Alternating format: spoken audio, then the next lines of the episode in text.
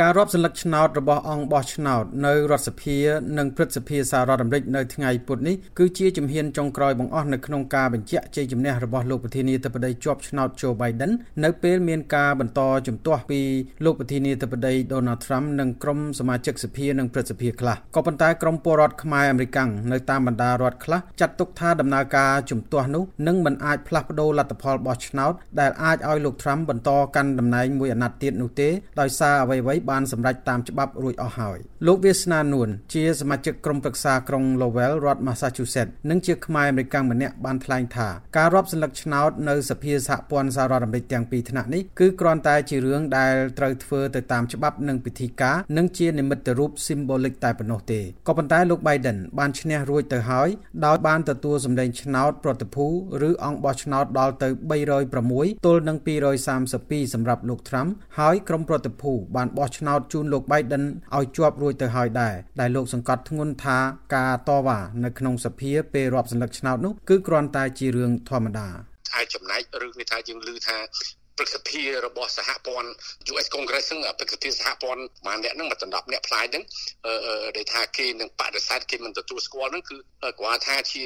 អាហ្នឹងជាគេអាចធ្វើអញ្ចឹងគេអាចហើយគេអាចបញ្ចេញយោបល់របស់គេហេតុអីក៏គេមិនទទួលស្គាល់អីចឹងសមាជិកព្រឹទ្ធសភានៃគណៈបកសាធារណរដ្ឋដែលក្នុងនោះមានលោក Ted Cruz នៃរដ្ឋ Texas ជាអ្នកដឹកនាំការជំទាស់ដោយលោកទៀមទាឲ្យធ្វើសវនកម្មការបោះឆ្នោតនៅរដ្ឋដែលមានចំនួនមួយចំនួនការជំទាស់នេះក៏ចូលរួមដោយសមាជិករដ្ឋសភាចំនួនជាង100នាក់ផងដែរលោកវាសនាបានបញ្ជាក់ថាគណៈបកសាធារណរដ្ឋរបស់លោកត្រាំមិនមានភ័ស្តុតាងដែលគ្រប់គ្រងការចោទប្រកាន់ពីការកេងបន្លំសិលឹកឆ្នោតទេ ហើយរដ្ឋមួយចំនួនក៏បានរាប់រួចហើយដែរ តុលាការក៏បានបដិសេធបណ្ដឹងជាច្រើនរបស់ក្រុមមេធាវីលោកត្រាំនិងលេខាធិការរដ្ឋនីមួយៗក៏បានប្រកាសលទ្ធផលបោះឆ្នោតជាផ្លូវការហើយដែរលោកគុជចាន់លីពលរដ្ឋខ្មែរអមេរិកម្នាក់ទៀតនៅក្នុងរដ្ឋ Maryland ក៏បានអះអាងថាការរាប់ស្លឹកឆ្នោតរបស់អង្គបោះឆ្នោតនឹងធ្វើទៅតាមច្បាប់ដោយមិនមានរំពឹងថាមានបញ្ហាអ្វីឡើយខ្ញុំផ្ទាល់ដែលបានតាមដានមើលការបោះឆ្នោតនឹងអឺយល់ឃើញថា ការប្រកាសលទ្ធផលហ្នឹងនឹងធ្វើដោយសុវត្ថិភាព ហើយពុំមានភាពមិនប្រក្រតីណាទេហើយប្រធានាធិបតីដែលជាប់ឆ្នោតដែលប្រជាពលរដ្ឋបោះឆ្នោតឲ្យ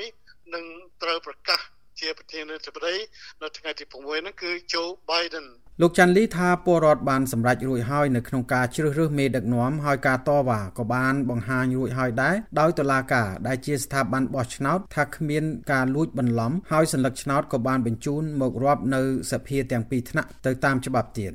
ខ្ញុំមើលមិនឃើញមាននីតិវិធីណាមួយឬក៏នីតិយន្តការណាមួយដែលអាចត្រឡប់លទ្ធផលនៃការបោះឆ្នោតនេះទៅឲ្យខាងលោក ប្រធានាធិបតីដល់ត្រាំនឹងវិញទេបាទលោកថ្លែងយ៉ាងដូចនេះដោយយោងថាទោះជាមានបាតកម្មនៅក្នុងរដ្ឋធានី Washington ក៏ដោយការតវ៉ាណាមួយក៏ដោយក៏មិនអាចទៅរួចដែរដោយសារតែច្បាប់បោះឆ្នោតនិងរដ្ឋធម្មនុញ្ញបានចែងច្បាស់ពីដំណើរការបោះឆ្នោតនេះខ្មែរអមេរិកនៅរដ្ឋ Maryland ម្នាក់ទៀតគឺលោកមួយចម្រើនដែលគ្រប់គ្រងដំណើរការរបស់លោកត្រាំនៅក្នុងការតវ៉ាប្រឆាំងនឹងការលួចបន្លំសន្លឹកឆ្នោតគ្រោងនឹងចូលរួមបាតកម្មដ៏ធំមួយនៅក្នុងរដ្ឋធានី Washington នៅថ្ងៃទី6ខែមករាដែលមានការបិទផ្លូវជាច្រើននៅក្នុងទីក្រុងនោះដែរបាទយើងតើការឲ្យនេះកុំឲ្យនេះតើការថាឲ្យឈប់លួចសន្លឹកឆ្នោត នឹងសុំពីបណ្ដាធ្វើកុំឲ្យលួចស្លឹកឆ្នោតព្រោះការលួចលួចស្លឹកឆ្នោតនេះមិនមែនធម្មតាទេលោកបានអះអាងបន្តថាពលរដ្ឋមានសេរីភាពបោះឆ្នោតនិងជ្រើសរើសអ្នកដឹកនាំពីព្រោះយើងជាជនជាតិអាមេរិកក៏ប៉ុន្តែមិនមែនលួចសន្លឹកឆ្នោតពីយើងនោះទេលោកចម្រើនបានស្ដីបន្ទោសដល់អ្នកនយោបាយអាមេរិករាប់ទាំងអិសរាជជនមួយចំនួននៅក្នុងគណៈបកសាធារណរដ្ឋខ្លះដែរដែលមិនយកចិត្តទុកដាក់នឹងបញ្ហាលួចបន្លំសន្លឹកឆ្នោតដែលតម្រូវឲ្យមានយុត្តិធម៌និងការទទួលខុសត្រូវហើយថាពួកគេខិតខំប្រឹងន់ប្រែងធ្វើមិនដឹងមិនឮមិនគោរពច្បាប់រដ្ឋធម្មនុញ្ញហើយឥឡូវនេះ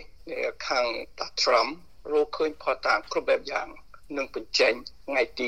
6ហើយឲ្យអ្នកស្រុកយល់ថាធ្វើយ៉ាងម៉េចយ៉ាងម៉េច ក្រុមយុទ្ធនាការរបស់លោក Trump បានដាក់បណ្ដឹងជិត50តាំងពីការបោះឆ្នោតបានបញ្ចប់កាលពីថ្ងៃទី3ខែវិច្ឆិកាដោយបានចោទប្រកាន់ពីការលួចបន្លំសន្លឹកឆ្នោតនៅរដ្ឋដែលមានការប្រទីងបន្ទង់មួយចំនួនដូចជារដ្ឋ Pennsylvania, Arizona, Wisconsin និង Michigan ជាដើមក៏ប៉ុន្តែតុលាការតាំងពីថ្នាក់រដ្ឋរហូតដល់ថ្នាក់កំពូលបានច្រានចោលជាបន្តបន្ទាប់ពីព្រោះគ្មានភ័ស្តុតាងអ្វីទាំងអស់រដ្ឋមន្ត្រីក្រសួងយុតិធធនៃរដ្ឋបាលលោក Trump ដែលទើបតែចេញចេញពីមុខតំណែងក៏បានបញ្ជាក់ថាมันមានភាពមិនប្រក្រតីឬការលួចបន្លំអ្វីនោះឡើយក៏ប៉ុន្តែជាថ្មីម្ដងទៀតលោកត្រាំបានថ្លែងអះអាងនៅក្នុងរដ្ឋចរចាកាលពីថ្ងៃច័ន្ទថាការបោះឆ្នោតប្រធានាធិបតីកន្លងមកមានការលួចបន្លំលោកបានជំរុញអ្នកគ្រប់គ្រងគណៈបកសាធារណរដ្ឋឲ្យចេញទៅបោះឆ្នោតឲ្យបេក្ខជនសមាជិកព្រឹទ្ធសភាខាងគណៈបកសាធារណរដ្ឋពីររូបដែលប្រជែងផ្ដាច់ព្រាត់ជាមួយនឹងបេក្ខជនពីររូបមកពីខាងគណៈបកប្រជាធិបតេយ្យនៅថ្ងៃទី5ខែមករាដើម្បីសម្រេចថាតើគណៈបកណាមួយនឹងគ្រប់គ្រងព្រឹទ្ធសភានិងធ្វើឲ្យមានតលយៈភាពអំណាច លោកត្រាំបានបញ្ជាក់តាមខ្លឹមសារដើមថាគណៈបកប្រជាធិបតេយ្យកំពុងព្យាយាមប្លន់យកសេតវិមានអ្នកមិនត្រូវអនុញ្ញាតឲ្យពួកគេធ្វើដូច្នោះទេអ្នករឹតតែមិនអាចឲ្យពួកគេប្លន់យកព្រឹទ្ធសភាសហរដ្ឋអាមេរិកទៅទៀតអ្នកមិនត្រូវឲ្យរឿងនេះកើតឡើងនោះឡើយខ្មែរអាមេរិកកាំងជាគ្រូកងវិលម្នាក់នៅក្នុងទីក្រុង Charlotte រដ្ឋ North Carolina បានថ្លែងនៅក្នុងលក្ខខណ្ឌមិនឲ្យប្រាប់ឈ្មោះដោយសារមិនចង់ចេញមុខមាត់នោះបានបញ្ជាក់ថាក្រុមអ្នកគ្រប់គ្រងនិងគណៈបកសាធារណរដ្ឋដែលចាយលុយអស់ជាច្រើនលានដុល្លារក្នុងពេលបោះឆ្នោតម្ដងម្ដងពួកគេបានជំរុញឲ្យលោកត្រាំតវ៉ារោគយុត្តិធម៌និងធ្វើឲ្យប្រកាសប្រជាឲ្យអស់ពីលទ្ធភាពថាការបោះឆ្នោតលើកក្រោយៗជាការបោះឆ្នោតដោយសេរីត្រឹមត្រូវយុត្តិធម៌ទោះជាការតវ៉ាតាមច្បាប់នៅពេលនេះចេញជាលទ្ធផលយ៉ាងណាក្តីក្រុមយុទ្ធនាការរបស់លោកត្រាំបានប្រមូលថវិកាជាង207លានដុល្លារសហរដ្ឋអាមេរិកដើម្បីប្តឹងផ្តល់និងបានចំណាយអស់79លានដុល្លារសម្រាប់ដំណើរការក្តីនេះនេះបើតាមសេចក្តីរាយការណ៍របស់ទីភ្នាក់ងារព័ត៌មាន Reuters កាលពីដើមខែធ្នូ មានការបញ្យល់ជាច្រើនដែលថាការជំទាស់នឹងលទ្ធផលបោះឆ្នោតអាចមានប្រសិទ្ធភាពដែរឬយ៉ាងណានោះអ្នកវិភាគខ្លះបាននិយាយថាវាជារឿងពិបាកនិងអាចទៅរួចណាស់ដោយសារតែរដ្ឋសភាត្រូវបានគ្រប់គ្រងដោយគណៈបកប្រជាធិបតេយ្យហើយមានសមាជិកព្រឹទ្ធសភាខាងគណៈបកសាធារណរដ្ឋមួយចំនួនដែលរួមមានទាំងលោក Mitch McConnell មេដឹកនាំសម្លេងភាគច្រើននិងអិសរាជជនជាច្រើនទៀតបានទទួលស្គាល់ជ័យជំនះរបស់លោក Biden រួចទៅហើយរាយការណ៍ពីរដ្ឋ North Carolina ខ្ញុំសុកខេមរា VOA Way.